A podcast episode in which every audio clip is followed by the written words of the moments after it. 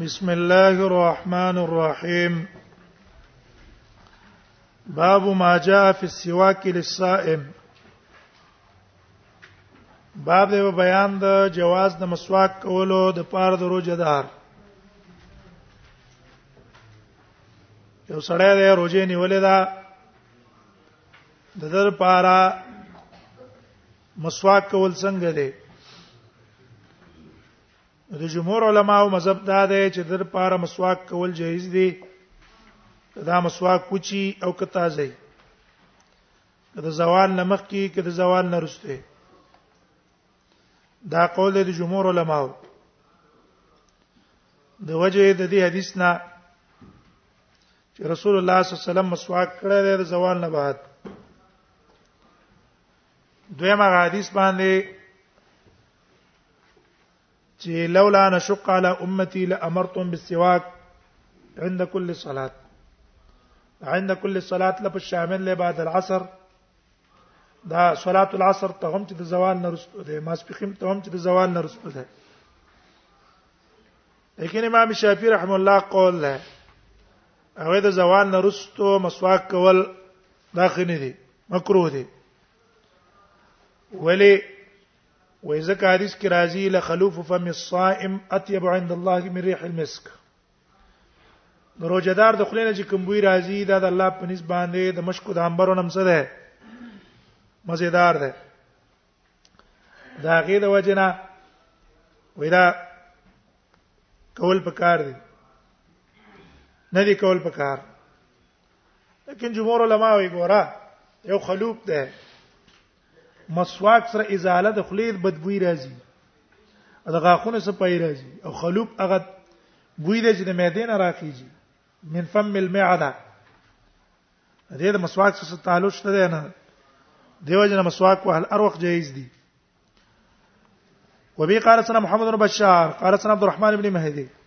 قال سنه سفيان بن عاصم بن عبيد الله عن عبد الله بن عم عبد الله بن عامر بن ربيعه انا به قال رأيت النبي صلى الله عليه وسلم ما لا احصي تسوق بما ده النبي صلى الله عليه وسلم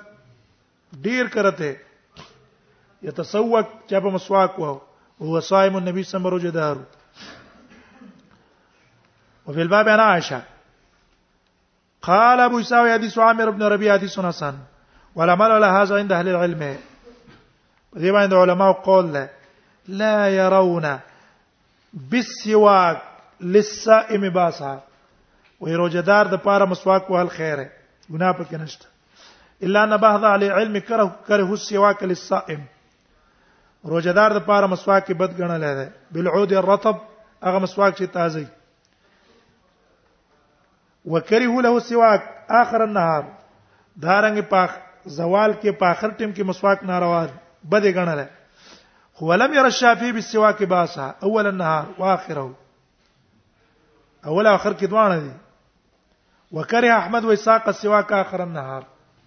داغه ته منسوب کړي لیکن عام قول دا قول چاته منسوب کړي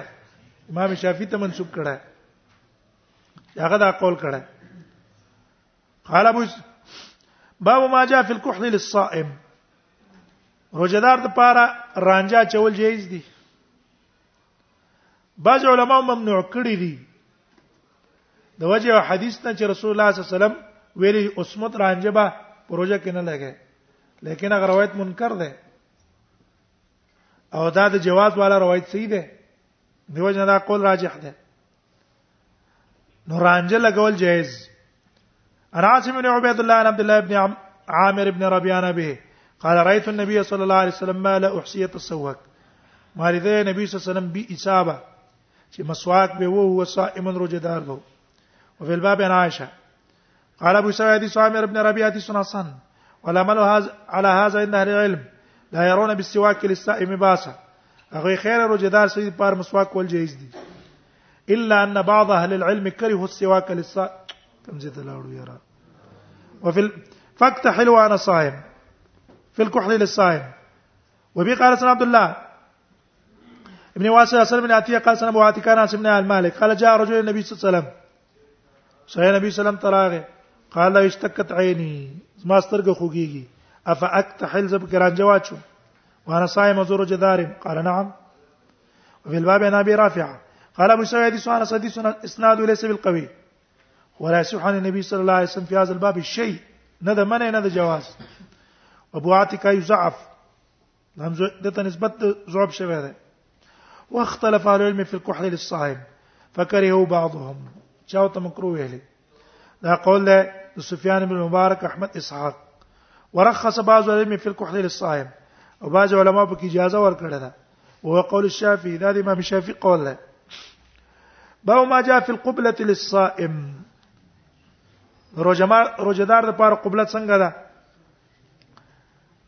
نو جائز ده چې فرق کړی دی په مابین د زوال او د بوډا کې ځوان به ځان ساتي ځکه سبب نشي د پاره د جما روزه به خراب شي او چې چا په ځان باندې کنټرولي هغه د پاره خیر او جائز ده راشد ان نبی سم کار قبل فی شهر الصوم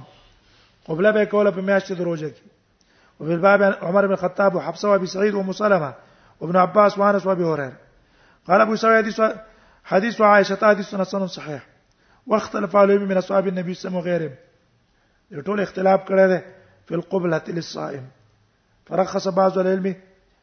فرخص بعض اصحاب النبي صلی الله عليه وسلم في قبلة للشيخ ولم يرخص للشعب مډال اجازه ورکړي ځوان لنه دا ورکړي مخافه د دې د وجنه الله اسلم له سومو روزه به پاتې نشي والمباشره عندهم اشد مباشرت خو به ډیر سخت بد ده ځکه مبزکی جما ته وقد قال بعض العلم بعض العلم ولدي القبلة تنقص الأجر أجر كمي ولا تفطر الصائم خروجنا ماتي ورأوا أن لس أن للصائم إذا ملك نفسه